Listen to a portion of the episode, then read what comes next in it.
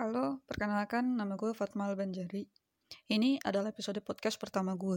Podcast ini rencananya akan gue isi tentang review buku apa saja, baik fiksi maupun non-fiksi.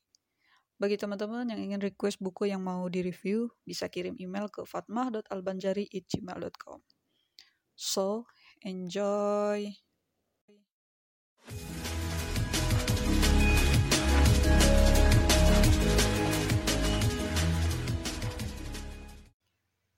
Pada episode kali ini, gue akan mereview buku yang berjudul Seni Hidup Minimalis. Buku ini ditulis oleh Francine J. Ia dikenal sebagai Miss Minimalis. Ia banyak menuliskan tentang ala hidup minimalis di www.missminimalis.com. Buku ini telah diterjemahkan dalam 20 bahasa dan dinyatakan sebagai buku terbaik versi Amazon. Selain memberikan saran, ia juga membagikan pengalamannya menjadi hidup secara minimalis. Tentunya juga mengubah banyak orang, membantu hidup mereka dengan metode yang tepat. Buku ini sangat cocok dibaca untuk para dekorator dan desainer interior yang ingin sukses dalam menjalankan usahanya. Selain itu juga untuk para mahasiswa jurusan arsitektur dan desain interior yang ingin memahami kehidupan ala minimalis. Ini juga untuk para ibu rumah tangga yang suka dengan keindahan dan estetika dalam menata ruangan.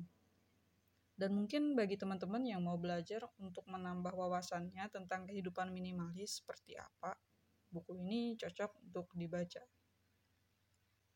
Ketika membaca buku ini, kita akan tahu bahwa salah satu cara untuk bisa hidup bahagia itu dengan hidup minimalis. Ya prinsip minimalis itu sendiri kita ya harus mengendalikan barang, bukan sebaliknya. Jadi kita akan diberi trik untuk mengurangi jumlah barang sehingga menciptakan rumah yang selalu rapi. Tips dan trik yang bisa kita temukan di dalam buku ini yaitu yang pertama, bagaimana melepaskan keterikatan pada sebuah benda. Yang kedua, di mana kita harus meletakkan benda pada tempat yang tepat. Yang ketiga, eh, apa yang dimaksud dengan kategori barang dan subkategori barang. Yang keempat, kenapa kok kebahagiaan tidak ditentukan oleh jumlah barang? Dan yang terakhir, yang kelima, itu siapa yang harus bertanggung jawab pada barang yang akan kita singkirkan. Jadi, buku ini menurut gue sangat bagus untuk dibaca dan diterapkan. Kalau ditanya gue bakal ngasih bintang berapa, ya kalau 1 sampai dengan 5 gue ngasih bintang 5. Karena isinya menurut gue e, sistematis. Pada bagian awal kita diajak untuk memahami konsep minimalis yang mana kalau punya barang, barang yang kita miliki sesuai dengan kebutuhan kita, bukan keinginan kita. Ketika kita mau membeli barang pun, kita membeli ya karena fungsinya, bukan karena melihat orang lain punya, sehingga kita juga harus punya.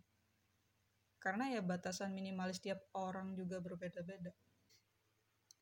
Ya, itu tadi review buku pertama gue di podcast ini.